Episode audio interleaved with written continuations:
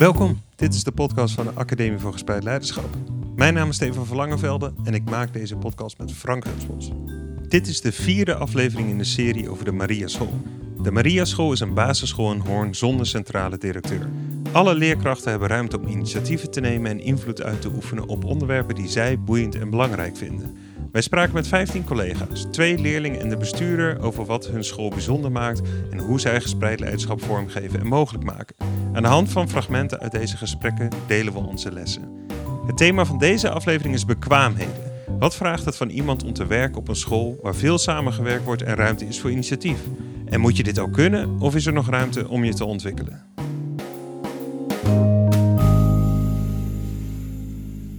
Nou, je moet het in ieder geval samen willen doen. En ik merk, dat we, hebben wij ook wel gemerkt aan collega's die hier dan kwamen werken. Echt wel gewoon capabele uh, collega's die veel ervaring hadden. Die dat dan toch um, ja, op een of andere manier lastig vonden. Omdat ze dan ja, ineens niet meer, bij wijze van spreken, de deur dicht konden trekken en hun eigen klas konden draaien. Als je weet wat je zelf kan, waar je staat, je kunt kritiek ontvangen, je kunt kritiek geven, uh, zeg maar die professionele houding, als je daarbij je eigen verhaal kent en daardoor dus ja, vrij sterk, vind ik, dan sterker in je schoenen staat, dan kun je dan ook veel meer ja, daarmee in interactie met elkaar op een professionele manier uh, dingen uitwisselen. En ook gewoon zeggen van jongens, uh, we zijn weer te veel in de watjes. Dat wordt ook wel gezegd. Als we te veel een beetje zo aan het, ja, weg aan het gaan zijn van het uh, onderwerp waar we het over moeten hebben. En dan wordt het eigenlijk soms heel, heel strak gezegd. Wat ik bij andere scholen misschien wat minder gewend was of zo. Er wordt echt wel leiding genomen door ook gewoon je naaste collega of zo ineens in een gesprek. En ik denk dat als je je eigen verhaal kent, dat je daar dus meer sterker voelt. Ja, daar zijn we weer met een nieuwe aflevering over de Maria School. En net als de ja. vorige keer, Stefan, uh, leuk om hier weer met jou over in gesprek te gaan, gaan we uh, het gesprek uh, structureren aan de hand van drie lessen die we ja. hebben geleerd uit de gesprekken met de collega's daar over ja, de bekwaamheden die je nodig hebt om te werken op de Maria School. En de eerste ja. les gaat eigenlijk over de specifieke bekwaamheden die een leerkracht dan dus ook nodig heeft om daar te kunnen werken. En het is goed voor de luisteraar om even te weten dat het dus niet zozeer gaat om bekwaamheden rondom het geven van les. Uh, we gaan er even voor het gemak vanuit uh, uh, dat de leerkrachten op de Maria School gewoon hele goede docenten zijn. En dat dat ook niet zozeer verschilt wat je daarvoor moet kunnen van hoe dat op andere scholen is. We gaan, ons, we gaan echt even inzoomen op wat het nou vraagt om te werken op een school waar de organisatiestructuur anders is dan op de meeste scholen. Dus niet vanuit hiërarchie, maar vanuit gespreid leiderschap met veel aandacht voor nou, samenwerking, eigen initiatief enzovoorts. En binnen ja. die werkcultuur hebben wij ontdekt in de gesprekken, vraagt dat in ieder geval, om binnen die werkcultuur te kunnen werken, vraagt dat in ieder geval om drie specifieke bekwaamheden. Of uh, je zou kunnen zeggen persoonskenmerken die je aan de dag moet leggen. Om te beginnen moet je bereid zijn en goed in staat zijn om te kunnen samenwerken met collega's. Ten tweede moet je, zoals wij dat maar even voor het gemak hebben genoemd, vanuit je eigen verhaal uh, initiatief durven nemen. Dus echt concrete initiatieven durven nemen vanuit iets wat jij belangrijk vindt of iets waar je goed in bent. En ten derde moet je je ook te allen tijden lerend opstellen. Door bijvoorbeeld reflectief te zijn en open te staan voor feedback van collega's. Nou, laten we die drie, uh, nou ja, Even langslopen. Even ja. langslopen met elkaar. Dat is wel fijn. Want, want we hoorden net al, als het om dat samenwerken gaat, eigenlijk um, een van de collega's, Erwin, heel duidelijk zeggen ja, dat dat min of meer ook wel een eis is hè, die zij stellen aan elkaar. Zo van als je, hier, als je niet bereid bent om samen te werken, dan pas je hier ook niet. Hè? Dus, daar zijn ze ook best wel streng op, zou je bijna kunnen zeggen. Ja, nou ja, het is in ieder geval een hele duidelijke uh, verwachting die er ligt. Op het moment dat je, dat je in de school komt werken, dan, dan ligt er eigenlijk vanaf moment één de verwachting vanuit iedereen dat je, dat je samenwerkt. En nou ja, dat krijgt ook dus gewoon vorm van dat je de uitnodiging krijgt van collega's met uh, delen waar je mee bezig bent. Uh, dat, je, dat je expliciet maakt wat je interesses zijn. Daar komen we zo meteen natuurlijk ook nog wel verder op met je eigen verhaal. Uh, maar vooral ook dat het eigenlijk in het onderwijs zelf ook al zit. Wat we natuurlijk ook in de vorige aflevering ook al behandeld hebben. Uh, ja, ze werken daar met, met, met, met groepen samen, met een groep leerkrachten, met een groep leerlingen. Dus je zult je onderwijs samen moeten vormgeven. Je, je kunt niet anders dan met je collega's overleggen en afstemmen over wat jullie gaan doen met elkaar. Um, waar dat natuurlijk wat ongewoon is ten opzichte van andere scholen. Want daar zijn we natuurlijk heel erg gewend dat je als leerkracht toch je eigen groep hebt. Ja. En daarmee toch eigenlijk ook altijd ook ervoor zou kunnen kiezen om eh, Het helemaal op jouw manier te doen. helemaal op jouw manier Ja. te doen. De deur een beetje dicht te trekken. Dat horen we natuurlijk op heel veel scholen ook een beetje als klacht terug. Hè, van het is zo jammer dat ja, een eilandjescultuur wordt het ook wel eens genoemd. Of in ieder geval dat, er, dat het zo moeilijk is om samenwerking van de grond te krijgen. Omdat uiteindelijk mensen toch ook vooral een eentje voor de klas staan. Ja, maar je zou dus kunnen zeggen dat ehm, op de Mariaschool dat die samenwerking deels verankerd is in het primaire proces, dus Ja. in de vorm van de leerpleinen. Overigens, dat, dat gaat inderdaad een beetje in de richting van de belangrijkste conclusies eh, die Ben van der Hilst trekt in zijn proefschrift hè, uit 2019, waarin hij het heeft over de teamgecentreerde arbeidsorganisatie. En dat in het kort, maar lees vooral dat proefschrift of die boekjes die hij erover heeft geschreven, gaat dat over eigenlijk het vormen van teams rondom een specifieke groep leerlingen, waarvoor dat team dan gedurende een meerder, aan- meerder aantal jaren verantwoordelijk is. Eh, dat, dat, is, dat, is een, dat zie je deels terug bij de Maria School.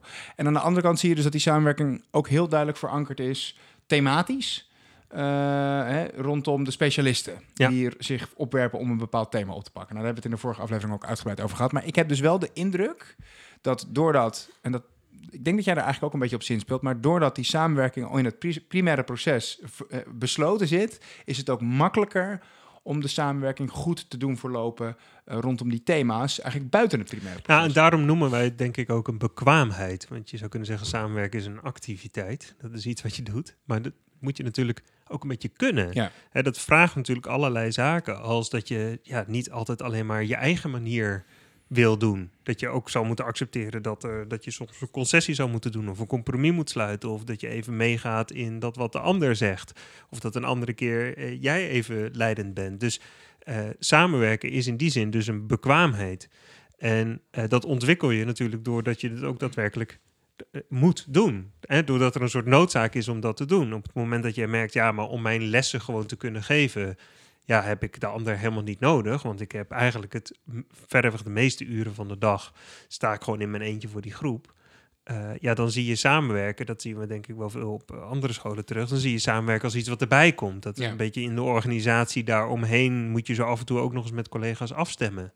Eh, dat is wat Ben van der Heels eigenlijk ook concludeert. Het gaat eigenlijk alleen nog maar over een paar organisatorische randzaken voor, voor het gevoel. En dat, dat is bij de Mariaschool niet. Maar ze hebben dus samenwerking noodzakelijk gemaakt door de wijze waarop ze, dus, eh, ja, zou kunnen zeggen, teams hebben geformeerd rondom eh, leerlingen.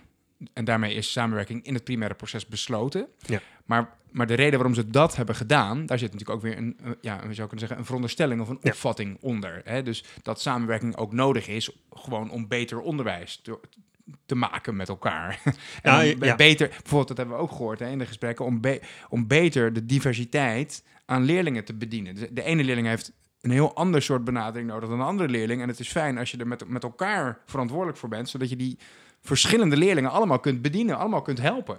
Dus, de, dus volgens mij zijn de lagen die je daar kunt zien. Het begint met een opvatting over wat, hoe, je het onderwijs het beste kunt maken. Nou, op de Mariaschool is samenwerking essentieel om het beste onderwijs te maken. Dan organiseer je dat rondom een groep leerlingen en dan wordt het ook noodzakelijk. En heb je dus bekwaamheden nodig om die samenwerking ook eh, vorm te geven. Ja, klopt. Want zeker wat je zegt is heel belangrijk. Van het, het is zeker niet zozeer alleen maar de structuur. Het is eigenlijk de, de cultureel of de, de overtuiging. Met samenwerken komen we verder. Met samenwerken kunnen we het beste onderwijs Ja. verzorgen. En dat, dat, dat merk je in de gesprekken ook heel erg terug. Dat er dus een enorme gerichtheid is op van ik, ik zoek mijn collega's op. Als ik met iets zit, dan ga ik naar een collega toe. Of dan betrek ik iemand erbij. Of de voorbeelden die ze gaven over hoe de specialisten werken. Want ze zeggen nee, als specialist ben je absoluut niet in je eentje. Je hebt altijd een groep collega's om je heen waarmee je dit samen het trekt eigenlijk dit thema. Alleen als specialist ben je nog iets meer zeg maar de, de kartrekker daarvan.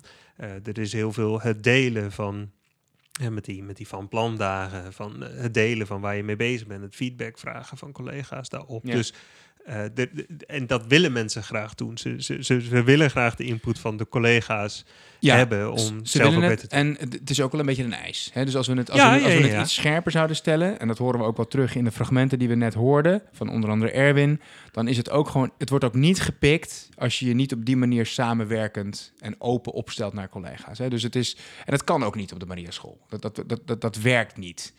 Ehm, dus dus de, de, de gebruikelijke houding van ik doe het vooral zelf en ik trek me een beetje terug en heel af en toe overleg ik misschien eens met een duo of ik werk wat samen in een werkgroep. Dat, die houding past ook gewoon niet. En die accepteren collega's ook moeilijk eh, van elkaar. Maar dat, dat brengt ons misschien ook wel op, op de tweede les eh, die we leerden over bekwaamheden. Ehm, en dat is, eh, ja, ze hebben het heel vaak op de Maria School over je eigen verhaal goed kennen. Eh, en je eigen verhaal, als ik dat zou moeten ontleden, dan gaat dat over enerzijds, wat vind je nou echt leuk om te doen? Dus waar hou je van? En anderzijds, waar ben je goed in? Dus dat je dat goed weet van jezelf. En dat je vanuit dat eigen verhaal, dus vanuit jouw kwaliteiten, vanuit jouw belangstelling, ook initiatieven durft te nemen. Dus echt Ja. wel naar voren durft te stappen. Ja. Zo van, nou, ik vind, eh, ik vind het heel belangrijk dat we de ontwikkeling van kinderen op zo'n manier registreren. Dat past bij onze leerprincipes. Nou, dan, vind ik het, dan, dan neem ik graag het initiatief om dat portfolio leren onder mijn hoede te nemen. Hè. Dat, nou ja, de, de- bekwaamheid die gevraagd wordt, zou je kunnen zeggen, is dat je dat verhaal goed kent. En dat je ook wel echt daar, op, ja, dat je daar ook wel mee naar voren durft te stappen. Nou, d- d- dat is eigenlijk de andere, ja, wat je zei net, hè, we, eh, je ontkomt er niet aan. Dat is hier eigenlijk ook echt zo. Zo praten ze er ook over van, je, we verwachten initiatief van iedereen. En om dat te kunnen doen, moet je dus weten waar je voor staat en waar je van bent en wat je belangrijk vindt. Want anders weet je niet waar je initiatief op wilt nemen.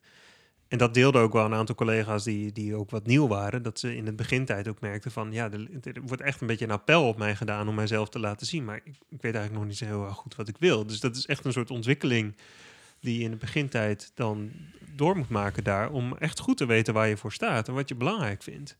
Want enerzijds zijn er natuurlijk wel de gedeelde opvattingen... waar we het de vorige aflevering natuurlijk ook over gehad hebben... van over wat belangrijk is in het onderwijs. Maar tegelijkertijd heeft iedereen natuurlijk daar zijn eigen interesses in.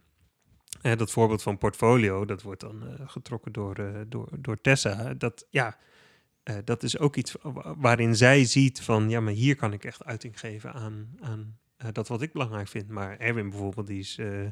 die Hoogbegaafdheidsexpert. ja, specialist, hoogbegaafde ja. specialist. Dus voor hem is dat het thema waarvan hij zegt... ja, daar wil ik me echt in het bijzonder op toeleggen in de Ja. school. En zo heeft iedereen eigenlijk ja, zijn eigen aspecten van... hier ben ik van. Ja. En dan, eh, ik zei trouwens net les 2, maar het is natuurlijk bekwaamheid 2 die we net hebben besproken. Ja, Ehm, en de derde bekwaamheid die we identificeerden in de gesprekken, en die is wat je zou kunnen zeggen, die eerste twee die we nu tot nu toe besproken hebben, dus het, het, het kunnen samenwerken en het vanuit je eigen verhaal initiatief durven nemen, dat zijn beide wel, je zou kunnen zeggen, bekwaamheden tot naar buiten toe treden. Hè? Eh, eh, eh, extraverte bekwaamheden zou je bijna kunnen zeggen. Hè? Ja. Dus naar voren durven stappen. De derde, die hebben we genoemd. Het gaat, erom dat je ook, het gaat er ook om dat je je lerend weet op te stellen. Dus dat je bijvoorbeeld reflectief bent en open staat voor feedback van collega's. Waarvan je zou kunnen zeggen dat is toch net iets meer een soort nou ja, vertragende, verdiepende activiteit. Ehm, die ook heel belangrijk is. Hè? Dus eh, ook dat is weer, ja, je zou bijna kunnen zeggen, het geldt voor alle bekwaamheden, dat het ook wel bijna de, de basisvoorwaarden zijn die worden gesteld aan collega's die bij de Maria School komen werken. Want ook dit wordt weer echt min of meer expliciet ge- gevraagd hè, van collega's. Sta open voor de feedback van anderen. Ehm, Zoek feedback ja, van anderen. Denk niet dat je het antwoord hebt, maar blijf altijd twijfelen, verdiepen, reflecteren op hoe je het doet. Ehm, en betrek daar ook eh, collega's bij om je daarbij te helpen. Ja, dus en, en er ligt ook dus de vraag, eh, waar wil je je op ontwikkelen? dat is dus, hè, ze hebben ontwikkelgesprekken. en dat deelde een collega ook, van, dat ze merkte van, oh, ehm, we hebben eigenlijk geen beoordelingsgesprekken, we hebben ontwikkelgesprekken.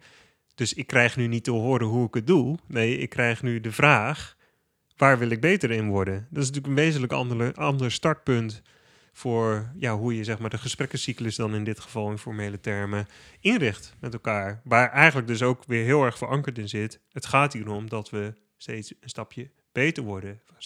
Het gaat niet om de hele tijd beoordelen, doen we het wel of niet goed. Het gaat om wel reflectief zijn en evalueren, maar met het doel om beter te Ja. worden. Op mijn vorige school was ik veel stiller en zei ik niet zoveel. Maar hier voel je de ruimte, dus ben ik veel extroverter geworden eigenlijk. Want voorheen, ik wist heel veel, maar ik durfde het eigenlijk niet te zeggen. Vond ik heel spannend. En nu nog steeds als er een grote groep is, vind ik het nog steeds wel spannend. Maar ik weet dat het kan. En hier kan je ook weer kleinere groepjes eh, organiseren. Erwin eh, doet HB en dan hebben we eh, plan evalueren en plan gehad, zeg maar, een studiedag. En dan geeft hij aan wat hij nodig heeft. En dan denk ik, oh, daar heb ik ook wat over te zeggen. En dan kan ik dat in een klein groepje aan hem vertellen. Dus ik hoef dat niet altijd, want dat vind ik nog steeds wel spannend. Maar dat kan wel gewoon. Ja, we hebben elkaar leren kennen hoor. ja, weet je wat ook zo gaaf is? Dat je, dat je dingen ziet van elkaar die je nooit hebt gezien. Want je staat de hele dag, stonden we met z'n tweeën op de werkvloer. En normaal draai je je eigen groepje en doe je wat je doet. En nu eh, zag je in een ook de kwaliteiten van een ander, maar ook wel de valkuilen. En daar moest je feedback op gaan geven. En dat was soms ook heel spannend om te doen. Ehm, eh, ook, ja, we hebben ook echt wel heftige discussies gehad. Waar ook echt heus wel eens wat tranen zijn gevloeid. En, eh, maar uiteindelijk hebben we ook gemerkt van we komen samen verder. Want ik leer dingen van jou die ik nooit eerder heb gezien. Want je kan dingen tegen elkaar vertellen, maar het samen doen is echt wel iets anders. We hebben dus, even voor alle duidelijkheid, dit, dit, dit, dit, zijn niet alle bekwaamheden eh, die de collega's hier aan de dag eh, leggen. We- denken wel dat dit de drie bekwaamheden zijn die, die, die echt het allerbelangrijkst zijn, zou je kunnen zeggen, om binnen zo'n school als de Maria School te kunnen werken. En als je die drie dan bij elkaar neemt, hè, kunnen samenwerken, één. Twee, vanuit je eigen verhaal initiatief durven nemen. En drie, je lerend weten op te stellen, lerend en reflectief weten op te stellen. Dan zou je kunnen zeggen, en dat is les 2 die we trokken uit de gesprekken, ehm, dat er wel een zekere paradox ook zit in die eh bekwaamheden, een zekere tegenstrijdigheid. Die eerste twee, die zijn toch met name wel eh, bekwaamheden van naar buiten toe treden, van versnellen en van eh, nou, op de voorgrond durven treden. En die eh, derde, lerend opstellen, is toch een wat meer verdiepende, reflectieve activiteit. En dat deed ons denken aan een heel goed model eh, als het om teamsamenwerking gaat van Karin Derksen. Dat zij in 2016 in haar proefschrift ook heeft onderzocht. En zij maakt daar eigenlijk onderscheid tussen vier activiteiten die teams aan de dag moeten leggen. Eh, en die vier activiteiten die hebben eigenlijk ook iets tegenstrijdigs in zich. Aan de ene kant gaat het om activiteiten die wat meer versnellend en doorpakkend zijn. Dat zijn de activiteiten van organiseren en toekomst creëren. Dat moeten teams kunnen. En aan de andere kant gaat het om een dimensie van activiteiten die meer gaan om vertragen en verdiepen. En dat zijn de activiteiten dialoog voeren en reflecteren. En, en het gaat even niet per se om al die specifieke activiteiten, maar wat Karin in dat proefschrift concludeert is dat teams die beide dimensies, die dus op spanning staan met elkaar, aan de dag moeten leggen om innovatief te zijn, om werkplezier te genereren enzovoorts.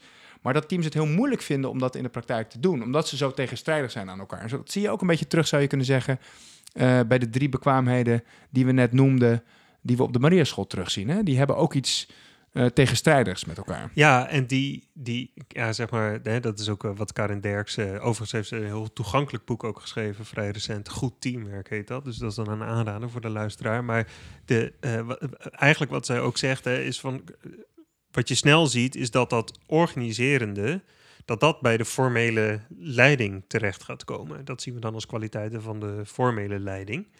Eh, en dat daarmee een beetje de reflectieve kwaliteiten, de vertragende kwaliteiten, ondergesneeuwd raken. En ja, als je natuurlijk in een gespreide leiderschapspraktijk werkt met elkaar, eh, heb je die dynamiek niet. Dus dan kun je veel meer zoeken met elkaar naar hoe kunnen we daar een balans in brengen Ja. met elkaar. Maar dat lijkt me dus lastig. Want neem bijvoorbeeld even de tweede en de derde kwaliteit, hè, die we bij de Maria Ja. School zien. Dus vanuit je eigen verhaal initiatief durven nemen, daarvan zou je kunnen zeggen dat dat dult eigenlijk geen twijfel. Nee. Dat dult eh overtuigingskracht. Ik zeg het even, Mhm, even- mhm. ik zet het even op scherp. Hè. Dat, dat vraagt om overtuigingskracht, eh, zeker zijn van je zaak, duidelijk kunnen communiceren en initiatief nemen en naar voren durven treden. Daar zit geen, geen sprankje twijfel in als je dat zo uitspreekt. Hè? Hm. Terwijl dat lerend vermogen, dat lerend opstellen en reflectief zijn, juist gaat om twijfel. Ja. En er juist om gaat dat je af en toe stil durft te staan en durft te zeggen: doe ik het nou eigenlijk wel goed? Doen we het nou eigenlijk wel goed? Eh, zijn er ook andere mogelijkheden? En ik kan mij zomaar voorstellen, je hebt ze allebei nodig om op de Maria School te werken, maar het is best lastig om ze allebei in de praktijk te brengen. Eh, en in een, en, maar we vragen het eigenlijk wel van alle collega's. Ja. Eh, en de een, zal er misschien, de een is misschien beter in, eh, in het eigen verhaal en de ander is misschien beter in dat reflectieve. Maar toch denk ik dat we in de basis wel verlangen dat alle collega's bij de Maria School deze drie aan de dag weten te leggen. Ja, nou, Dat en- lijkt me lastig. Nou, en dat kan ik me voorstellen. En ja, volgens mij is dat eigenlijk wanneer je natuurlijk in, in, in, in het type werk wat, wat onderwijs is, hè, het professionele werk waar je de hele dag ziet het er weer anders uit en ben je altijd weer een afweging aan het maken. past dat dus heel goed bij die complexiteit. Dus Ja. het is de hele tijd een afweging maken als professional tussen, eh, ja, wat is hier nu nodig? En de ene keer is dat dus de inschatting, ja, nu kunnen we doorpakken. Nu zitten we op één lijn. Nu moet er gewoon iets komen. Of overmorgen dan mo- moet dat en dat er staan. Of er moet een brief naar de ouders toe enzovoort. Dus moeten we nu gewoon gaan organiseren. En een andere keer is natuurlijk eh, vertragen en stilstaan. Ja. En En wanneer doe je dan het... e- Want nou, in een hiërarchische organisatie, wat je natuurlijk veel ziet, is dat we dat dus dan willen uitbesteden. Dat dan het gebrek aan kunnen reflecteren zien we dan als van ja, er moet ook meer tijd voor mij georganiseerd worden door de teamleider dat ik wat meer stil kan staan. Of andersom, eh, er is een gebrek aan daadkracht. Wij komen als team maar niet tot keuzes waar mensen zich aan houden. Dat zou de teamleider moeten doen, of de directeur, Ja. of wie dan ook. Dus we beleggen heel snel die, die taak of die functies willen we dan graag toeschrijven aan degene die dan in de formele leidinggevende eh, positie zit. En op het moment, maar nu bij de Mariaschool zie je dat, je dat, dat er altijd ruimte is om invulling te geven aan zo'n behoefte, zeg Ja. maar. Ja, en dat het, ook, dat het ook om je eigen initiatief vraagt om dat te doen als jij denkt dat het nodig is. Hè? Ja. Dus bijvoorbeeld, die, we hebben het eerder gehad over de ronde tafelgesprekken. Die worden ingezet als een, bijvoorbeeld een, een samenwerkingsproces stroef verloopt. Of een vernieuwingsproces niet helemaal de opbrengsten heeft die je had gehoopt.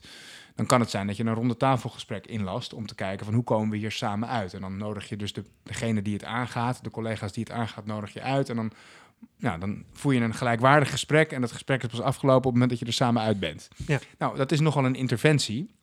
En dan is het dus een enorme kunst om het juiste moment te kiezen om dat gesprek aan te kaarten. Hè? Want eh, het kan natuurlijk ook heel frustrerend werken misschien voor je collega's. Maar als, als je het te lang laat liggen, eh, ja, dan komt het proces misschien in een...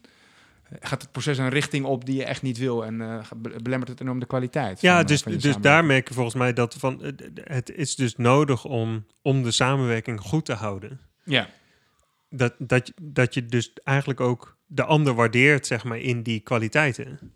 Want je weet dat je, je, als, je, als je kwaliteiten meer zit op het organiseren, dan ja, kun je de, de collega die ook zo af en toe wil vertragen, ja, daar, daar kun je niet overheen walsen. Je hebt geen formele macht, om maar zo te zeggen, eh, en geen hiërarchische macht om, om daar overheen te gaan. Dus om de samenwerking goed te houden en recht te doen aan iedereen, ehm, ja, moet, moet, je, moet je een balans zoeken met elkaar. Ja, precies. Dus, en dat is, dat is een enorme uitdaging voor teams. Zie dus ook het proefschrift van Karin Derksen, omdat het zo paradoxaal is. En, en de kunst voor teams is dus om al die verschillende soorten bekwaamheden goed ja, te beleggen eigenlijk in teams. En daar ook goed aandacht en waardering voor te hebben.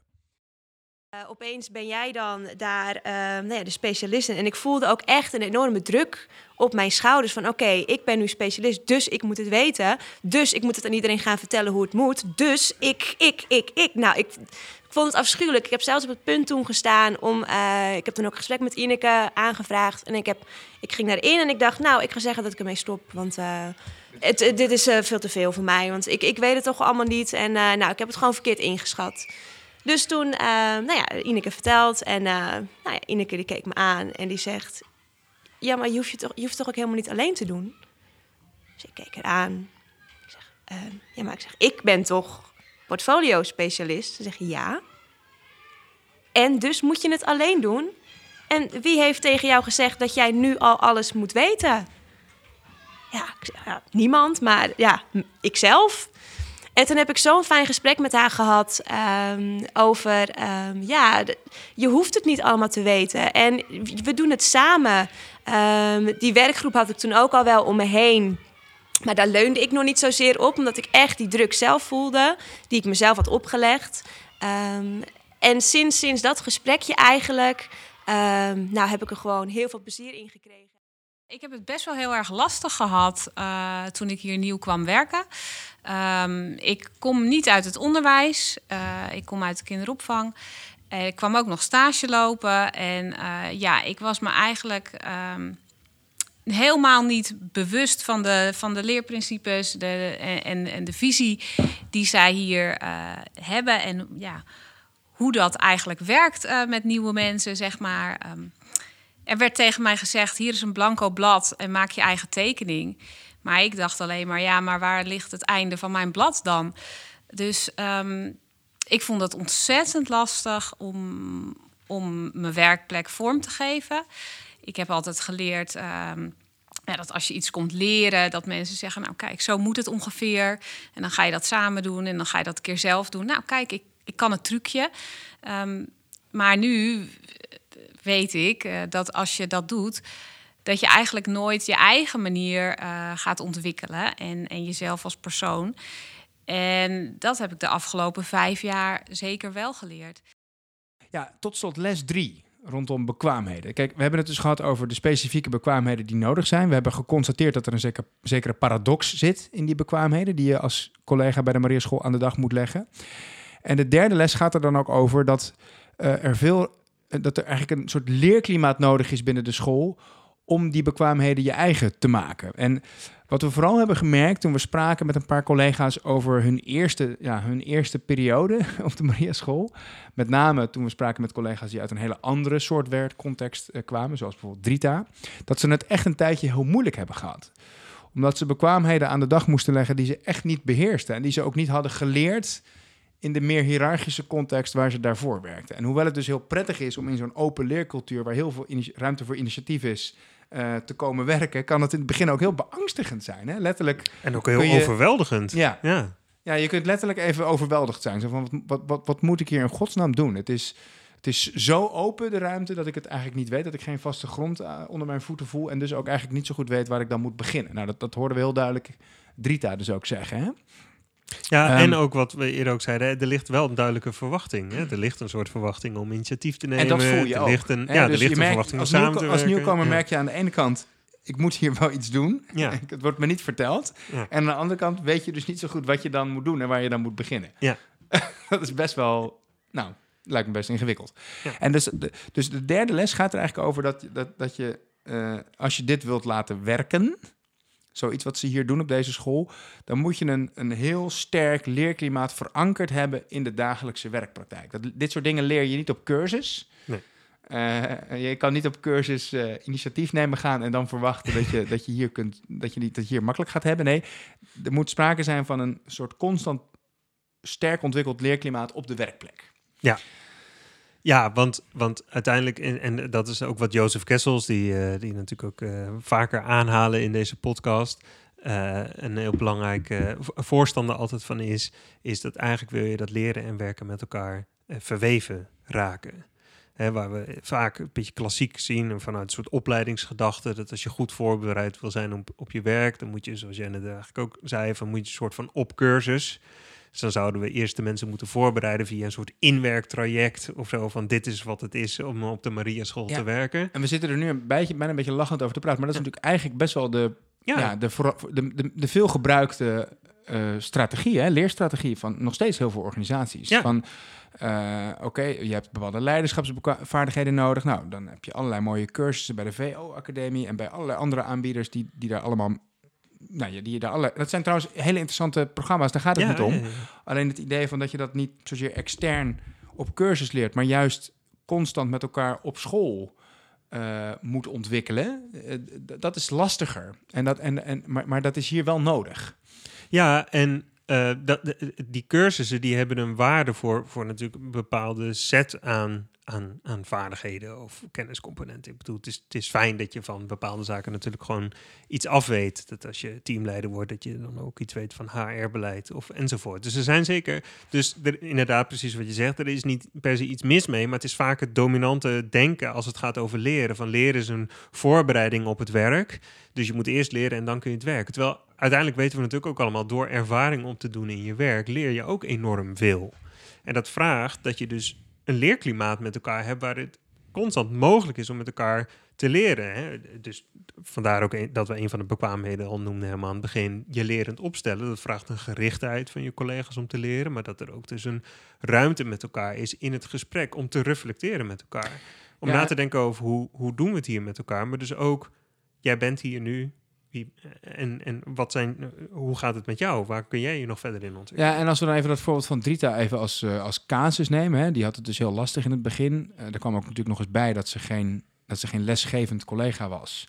En dus ook niet die vaste tijdsbesteding had. Dus zij moest echt helemaal het wiel uitvinden voor zichzelf. En als je haar ontwikkeling van die eerste maanden dan een beetje volgt, dan, dan wat haar heel erg hielp, waren die ervaringen met collega's die haar in gesprek hielpen om haar ding een beetje te vinden. En om haar, en dat is denk ik de ene kant, en aan de andere kant, om haar min of meer door constant uit te leggen en constant te laten zien hoe het op de Maria School werkt, te laten zien van dit is ook een manier waarop werk vorm kan krijgen. Mhm. Het hoeft niet te gaan op basis van de opdracht van een ander. Het kan ook gaan op basis van jouw eigen intrinsieke motivatie.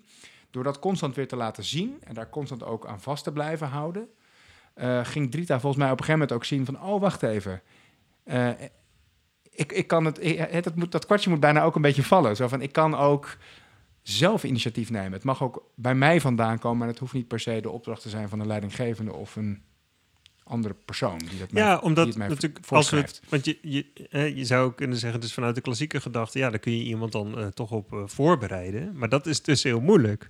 Want als Ja, je, het gaat, eigenlijk, ber- het ja, gaat eigenlijk om opvattingen. Het gaat eigenlijk om aannames die je hebt over hoe samenwerking en organiseren werkt. Ja, en als je zegt hè, eigen initiatief en eh, je eigen verhaal kennen en zo, dat is allemaal belangrijk. Dat vraagt dus eigenlijk ook dat je iemand dus de ruimte geeft om dat te ontwikkelen of om dat te kunnen ervaren. Dus je kunt niet vooraf dat al eh, iemand dat helemaal aanleren. Het is ook, dat moet vorm krijgen in, Ja. de, in de context. Je, kunt het, de je, kan, je kan bij spreken deze drie lessen die wij nu bespreken wel aan mensen vertellen. Ja, Maar je moet het ervaren en het doormaken om uiteindelijk te snappen van... oh ja, dat, dat- zo werkt het. En zo ziet het er dan in de praktijk uit. En om dan dus en om dan dus dat echt te kunnen leren en niet het gevoel te hebben dat je, dat je verloren raakt, heb je dus wel een leerklimaat nodig met elkaar. Dus Ja. collega's die zich betrokken tonen. En dat, dat horen we ook heel veel mensen terugzeggen. Dat het, dat het de hele tijd wel voelt als een soort warm bad. Hè. Collega's die betrokken zijn, dat in ieder geval ook als nieuwe collega's, eigenlijk constant de vraag krijgt: hey, hoe gaat het? Ze ervaren een hele lage drempel om bij elkaar binnen te lopen. Maar dat is dan voor nieuwe collega's, maar dat geldt in het algemeen, merken we. Er is een heel veel gerichtheid op ja, feedback vragen aan elkaar. Heel open zijn naar elkaar. Dus niet, niet het gevoel hebben van, oh, als ik nu me kwetsbaar opstel of het even niet weet, dan wordt dat gezien door mijn collega's als een zwakte. Nee, dat wordt eigenlijk opgepakt door iedereen als, oké, dan kunnen we daarin met je meedenken en je verder helpen. Enzovoort. En dat, en dat zijn kenmerken natuurlijk van een sterk leerklimaat. Ja, ja. Ah, interessant. Hey, ehm, we hebben drie lessen besproken rondom bekwaamheden die je nodig hebt om op de Maria School te werken. Ehm, eh, de, eerste drie, eh, de eerste les gaat eigenlijk over de drie specifieke bekwaamheden die we terugzagen. Samenwerken, initiatief durven nemen en je lerend kunnen opstellen. De tweede les ging erover dat die bekwaamheden eigenlijk een zekere paradox hebben. Dus het gaat om, aan de ene kant om versnellen en naar buiten durven stappen. En aan de andere kant juist om vertragen, twijfelen en verdiepen. En de derde les ging over het leerklimaat dat nodig is om die verschillende bekwaamheden ook op te doen. En dat het zeker voor nieuwe collega's lastig kan zijn om in zo'n context te komen werken. Ja, een soort, eh, zou bijna kunnen zeggen, final thoughts. Ehm, wat ik wel opvallend vind als we dit zo allemaal overzien, is dat er aan de ene kant, eh, zou je kunnen zeggen, de Maria School, is de Maria School een hele prettige en open werk- en leercultuur waar heel veel mogelijk is. En dat is ook echt zo. Ehm, en aan de andere kant zit er ook toch wel een stevige verwachting, of je zou nog scherper kunnen zeggen, eis op mensen. Eh, ja, op het, ja, op het gebied van hoe ze zich opstellen, op het gebied van hoe ze zich gedragen in de school. Hè? En op het moment dat je dat niet aan de dag legt, zoals bijvoorbeeld je niet samenwerkend of niet lerend opstelt, dan is de, dan is de boodschap ook wel duidelijk, dan pas je hier eigenlijk niet. Ja, en is dat erg? Of, Nee, eh, nee, ik zeg niet dat. Ik constateer gewoon. Dus ik, ik, verbind daar nog helemaal geen eh, waardeoordeel aan. Het- ik, ik heb daar ook denk ik geen waardeoordeel over. Als ik er al een waardeoordeel over zou hebben, zou ik zeggen, nou, misschien is het eigenlijk wel goed en duidelijk dat je dat, dat, je dat Nou, stelt. ja, ik zou dat dat je daar er ook niet wel- over, ik dat je ook niet onduidelijk over bent. Ja, nou, ik zou dat wel eigenlijk wel durven zeggen. Ik, we hebben ook in een eerdere podcastaflevering van al een tijdje terug met Hart Gewassink eh, onder andere gehad over... eh, hij had het eigenlijk over een gebrek aan een gedeelde beroepsidentiteit van, eh, van de leerkracht. Ja, nou, de beroepsidentiteit op de Maria School is volgens mij wel duidelijk. Nou ja, ik denk dat je hier de krachten ervan ziet. Eh, dus het, ehm, eh, ik denk dat je enerzijds mag zeggen... ja, misschien is de Mariaschool of deze manier van organiseren... in ieder geval niet per se voor iedereen weggelegd. Ik denk niet dat het daar ook per se om gaat. Maar waar, het, waar je ziet dat het goed werkt... is omdat er wel een duidelijke opvatting is over... wat vraagt het van je om hier te werken. En ja, ik durf de stelling wel aan dat er op veel scholen daar niet een duidelijke collectieve opvatting voor. In ieder geval die school zelf. Dus dat eh, misschien een gebrek aan een collectieve beroepsidentiteit in onderwijs Nederland, wat het punt van Hartgo ook onder andere was. Ja, dat lijkt me misschien nog wel uitdagender. Maar ik denk ook dat er gewoon heel veel scholen zijn die dat voor zichzelf niet helemaal duidelijk scherp hebben. En in ieder geval niet een levendig uh, gesprek over gevoerd wordt in de school. Waarbij het dus kan gebeuren dat er collega's zijn die zoiets hebben van ja, maar je moet toch vooral lekker willen samenwerken met je collega's en allemaal nieuwe dingen willen uitproberen enzovoort. Dat dat de opvatting is.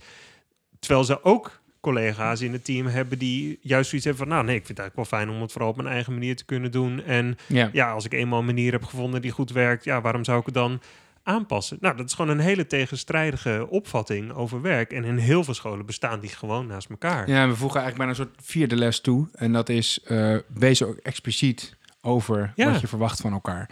En uh, heb daar ook een uh, levendig gesprek over. Ja, mooi. Um, drie of misschien zelfs vier lessen geleerd over bekwaamheden bij de Maria School. Um, we gaan nog een laatste aflevering na deze aflevering opnemen. Hè? Die zal dan gaan over uh, het bestuur, de bestuurders die, en hun perspectief uh, van waaruit zij kijken naar uh, de ja. ontwikkelingen op de Maria School. Ja, nou ja, het is natuurlijk ongewoon dat, dat een school geen directeur heeft. Dat is zelfs op papier niet eens echt mogelijk. je moet een directeur hebben als een school. als school zijnde. Dus we, we, zijn met de, met de bestuurder Hans, die helemaal in de begintijd, toen ze tot deze keuze kwamen, willen eigenlijk met een driemanschap werken. Daar hebben we mee gesproken om daar eigenlijk op nou, terug te gaan. Om, uh, van hoe is dat zo gegaan? Wat zijn de overwegingen geweest uh, als bestuurder om dit ook goed te keuren? Want dat is nou eenmaal wel wat er moest gebeuren. En, maar Hans is inmiddels niet de bestuurder. Het is nu een andere bestuurder, Gea. en die, die hebben ook gesproken om ook met haar te hebben over ja, hoe, hoe die samenwerking dan nu vorm krijgt. Uh, en dat is heel interessant, want ja, uiteindelijk, heel veel scholen vallen natuurlijk gewoon onder een bestuur en hebben zich ook te verhouden tot de formele structuren die er op die manier zijn, maar ook de verwachtingen die er zijn uh, over hoe je school dan op, uh, ja. georganiseerd is. Ja. Dat is de volgende keer. Ja. Dank voor het luisteren. Dit was de vierde aflevering in de reeks die wij maken over de Maria School, een school in Hoorn waar geen centrale directeur aan het roer staat. Als je de aflevering leuk vond, laat ons dan vooral een rating of review achter in je favoriete podcast-app. Mocht je vragen of opmerkingen hebben over de podcast, dan kun je ons mailen op contact.gespreidleiderschap.nl. En als je meer wilt weten over gespreid leiderschap of over de academie en het werk dat wij doen, kijk dan eens op www.gespreidleiderschap.nl. En we willen natuurlijk ook graag alle collega's en leerlingen van de Maria School bedanken voor hun gastvrijheid en input voor deze podcastreeks. Het gaat om leerkrachten Annelies, Annemiek, Carlijn, Gerza, Drita, Erwin, Esther, Ineke, Sjane, Jort, Kirsti, Marieke, Nike, Suzanne, Tessa en leerlingen Amarins en Emme. En in het bijzonder natuurlijk ook de bestuurders Hans en Gea. Tot de volgende keer. Tot de volgende keer.